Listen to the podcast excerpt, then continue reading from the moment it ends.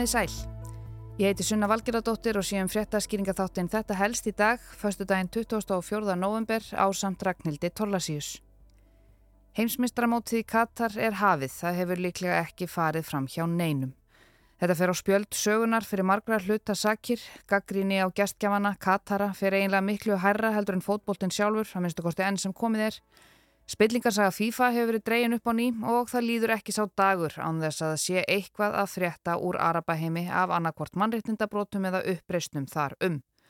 Stóra armbandsmálið var stórt í byrjun vikunar þar sem nokkur fótbóltalið ætluð að taka sér saman og flagga regnbúafánunum á hendinni en það var hægt við það vegna hótana um gul spjöld á línuna.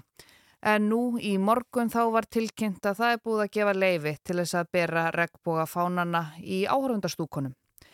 Þíska landsliðið hjælt tákgrænt fyrir munnin á sér í upphafi leiks í vikunni til þess að sína samstöðu og hinar á þessar stórstjörnur úr fótboltaheiminum hafa líka reynd að leggja sitt að mörgum til þess að vekja aðtikli á úreltum viðhorfum Katara til samkynneigðar, kvenna og farandverkamanna, svo eitthvað sé nefnt. En það var einn sem valdi heldur óvenjulega leið til þess að reyna að setja sig í spór þeirra minnilutahópa og það var Gianni Infantino, fórseti FIFA, í stór furðulegu ávarfi sem hann helt fyrir bladamennum síðustu helgi. Venjulega koma fulltrúi gestgjafa og FIFA fram á bladamannafundi degi áður en mótið hefst en að þessu sinni var engin fyrir hönd gestgjafana, það var aðeins fórseti FIFA, Gianni Infantino, sem flutt ekki beint ræðu heldur talaði í um klukkustund og og það sem hann hafði að segja vakti heldur betur aðtegli. Eða kannski ekki þá aðtegli sem hann var að vonast eftir. En við Ragnhildur við skoðuðum þennan fyrverandi rauðhærða svisneska ítala í dag, sambandið sem hann stýrir og mögulega einhverja hliðarvingla í þetta helst í dag. I've been uh,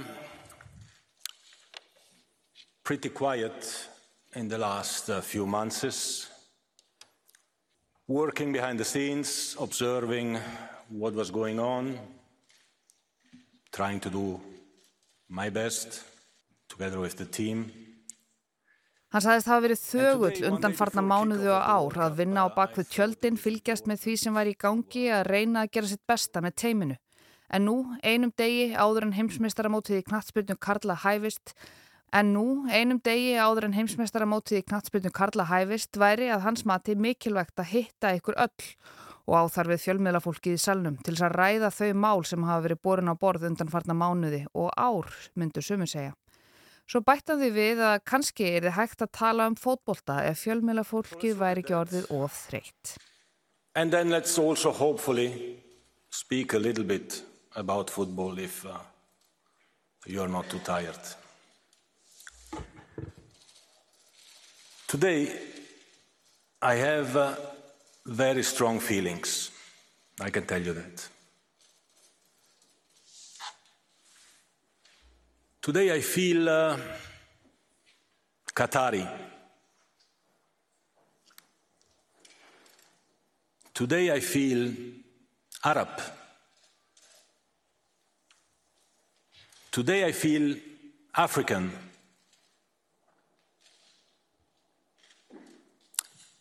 Today I feel uh, gay. Today I feel disabled. Today I feel uh, a migrant worker. Í dag líður mér eins og ég sé Katari. Í dag líður mér eins og Araba, eins og Afrikubúa. Í dag líður mér eins og ég sé samkynneður. Í dag líður mér eins og ég sé fatlaður, í dag líður mér eins og ég sé farandverkamaður. Gianni Infantino sagði á honum liði svona vegna þess að það sem hann hefði séð og honum hefði verið sagt af umfjöllun í aðdraðanda mótsins minni hann á hans eigið lífslöp. Hann tók sérstaklega fram að hann hafi ekki lesið þessar umfjallanir sjálfur, þá var hann sjálfsagt orðin þunglindur. Ég er sonur farandverkamanna, sagði Gianni Infantino eða Giovanni Vincenzo Infantino sem er eins og nafnið gefur til kynna af ítölskum uppruna. Hann er fættur í Sviss en er sonur ítalskra innflytjanda. Hann sagði fóreldra sína hafa unnið myrkrana á milli við afar erfiðar aðstæður, reyndar alls ekki í Katar, heldur í Sviss. Hann hvaðist muna vel hvar erlendur starfsmennir byggu í Sviss við hvaða kjör þeir byggu, hvaða réttir höfðu og hvaða réttir höfðu ekki. Hann segist muni eftir því hvernig komi var fram við farandverkamenn þegar þeir vildu komast inn í landið að leita sér að vinna við landamærin. hvað varðum passana þeirra, ávísanir og meðmæli. Þegar Infantino hafði heimsótt Katar í fyrsta sinn eftir að hann tók við sem fórseti FIFA, saðist hann hafa gert aðtúarsendir við aðbúnað farandverkamanna. Nú sé Sviss orðið fyrirmynda félag fjölmenningar, umburðarlindis, ólíkra þjóða sem vinna saman með réttindi. Katar hafi líka farið fram. Síðar saðist hann auðvitað ekki vera Katari, Arabi, Afrikubúi, samkynneður, fatlaður og ekki heldur farandverkamaður en honum liði vissulega þannig af því hann viti hvernig það er að vera mismunað. Of course, I'm not uh, Qatari, I'm not Arab, I'm not African, I'm not gay, I'm not disabled, I'm not really a migrant worker. But I feel like them because I know what it means to be discriminated, to be bullied as a foreigner in a foreign country As a child at school, I was bullied because I had uh, red hair and I had these red, how do you call them? Uh, freckles. Freckles. Freckles. Sorry? Freckles. Freckles, you see, I don't even know the term. Það sætt vita hvernig það væri að vera laður í einelti fyrir að vera útlendingur og fyrir að hafa verið rauðhært barn með freknur. Gianni Infantino hann talaði um klukkustund, Matt Slater frá The Athletic satt blaðamannafundin og lísti stemningunni í hlaðvarpi eftir á. You know, by the end, everyone in the room, even the more mild-mannered, conservative, yeah, FIFA's fine, everyone calm down, journalists, looked like they'd been slapped around the face. Í lokinn hafi mér að segja penustu íhaldsumustu bladamennir í salnum, þeir bladamenn sem hafa sagt fólki bara slaka á, það sé bara allt í lægi með FIFA, jáfnvel þeir. Þeir hafi litið út eins og þeir hafi verið löðrungaðir. Það hafi engu verið líkara en að loftið hafi verið sogað út úr herberginu og allir sopið kveljur. Gianni Infantino er fættur 1970 í Brygg í Sviss. Hann talar nokkuð mörg tungumál, auk ítölsku, talar hann spænsku, frönsku, þísku, ennsku, arabísku og portugalsku. Hann var kjörinn fórsiti FIFA 2016, endur kjörinn 2019 og árið eftir fekk hann líka sæti í Alþjóða Ólimpíunemdini. En Giovanni Infantino á ekki alveg flekklausan ferill. Það er allt og sjaldan sem Panamaskölin góðu eru rifið upp en nú er einmitt tilefni til þess. Infantino var hluti af FIFA spillingarskandalnum sem fekk sinn skerf af umfjöllun í þeim ágæta leka 2016. Þar sást hvernig UEFA, Evróska knallspilnusambandið, tók við greiðslum frá hinum og þessum þekktum fígurum í bransanum, nokkuð sem sambandið hafði áður neitað að hafa gert. Infantino bar af sér allar sakir í málinu og saðist aldrei persónulega hafa tekið nokkur einasta þátt í því. Það ber að taka fram að hann byrjaði að vinna fyrir UEFA fyrir 22 árum síðan, aldamóta árið 2000. En síðan fór Infantino fyrir síðan nefnd FIFA 2016. Hann var grunniðar um að hafa brotið síðareglur meðal annars með vafarsömmum flugferðum, ráðningum og fleiru. Nokkrum árum síðar var það svo líka sakkaður um að hafa átt leinifund með Michael Lauper, ríkissaksóknara í Sviss í tengslum við spilningarmál FIFA. FIFA er skamstofun á Federation Internationale de Football Association sem útlegst nokkur veginn alþjóðlegt samband fótboltasamtaka en er jafnan kallað alþjóða knatsbyrnu sambandið á okkar ástkæra eilhýra.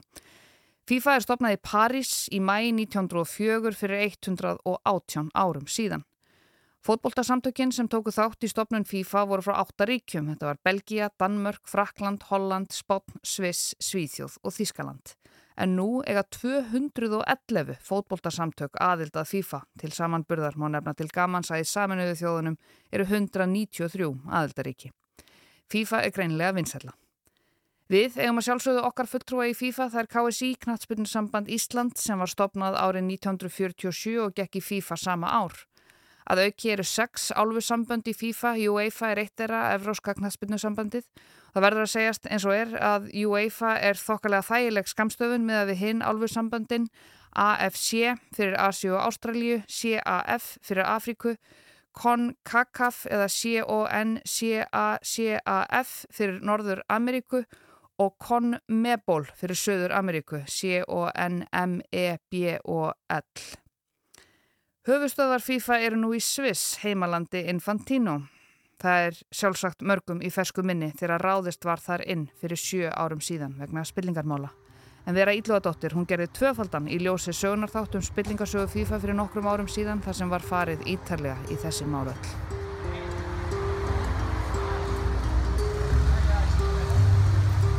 Áhorvendur sjónvarsfrétta um heimallan 27. mæ 2015 fengu að sjá nokkuð stórmerkilegt og já, næstum kostulegt. Lauruglu lið leiða sjö jakkafattaklæta menn út af luxushóteli í Sjúrik í Sviss á meðan starfsfólk hótelsins reyndi að dillja viðskiptavinni sína fyrir fréttamyndavilunum með því að baða át skjanna hótelkvítum rúmlökum og sengurverum.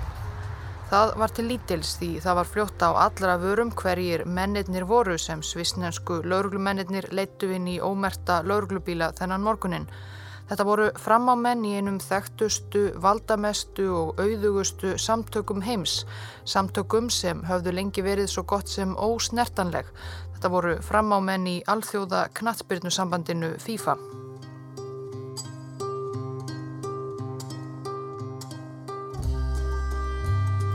Lóruglu rannsóknin sem átti eftir að skekja gervallan fótboltaheimin hóst ekki beint með kvelli. Steve Berryman, 47 ára starfsmæður bandarísku skattstofunar Internal Revenue Service, satt á skrifstofu sinni í Laguna Niguel í Orange County, Kaliforníu. Það var morgunin 16. ágúst 2011. Berryman rendi yfir fréttasýður. Eftir aldarfjörðung við skattaransóknir voru það aðalega fjármálafréttinnar sem vöktu aðtiklans. Einast líka fann hann á fréttavef Reuters. Alríkis lauruglan rannsakar fjármál bandarísks fótboltafrömuðs, hljómaði fyrirsögnin, lauslega þýtt. Í fréttinni stóð að Alríkis lauruglan FBI rannsakaði skjöl sem bentu til þess að maður á nafni Chuck Blazer, áhrifamaður í bandarískum fótboltaheimi og starfsmaður alþjóðasamtakana FIFA, hefði fengið grunnsamlegar greiðslur upp á meira en 500.000 dollara og væri með bankareikninga í skattaskjólum. Meira var það ekki, en Berryman var heldtekinn. Hann þekkti ekki þennan blazer en hann elskaði fótbolta, það er evróska sportið, ekki það ameríska og það hafði hann gert alla sín æfi. Fótbolti var eitt af því fáa sem vakti hjá hann um eins mikla ástríðu og skatt og fjársvig og spilling. Og eins og aðrir fókbóltaunnendur um heimallan hafði hann auðvitað heyrt allar sögusagnirnar í gegnum árin um spillinguna innan sportsins, umurlegan orðrómum, þjófnað og svik jafnvel á hæstu stöðum. Berrimann varð að rannsaka þetta nánar. Sem starfsmæður skattstofunar gata hann auðveldlega allavega skoðað skattskýrslur þessa blazers og séð hvort þar væri eitthvað grunnsamlegt að finna sem geti nýst alríkislauruglunni í rannsóknsinni Skattskýrslur eru svo verndaðar í bandaríkunum að jáfnvel FBI hefur ekki greiðan aðgang að þeim. En Berryman fann ekkert, bókstaflega ekkert.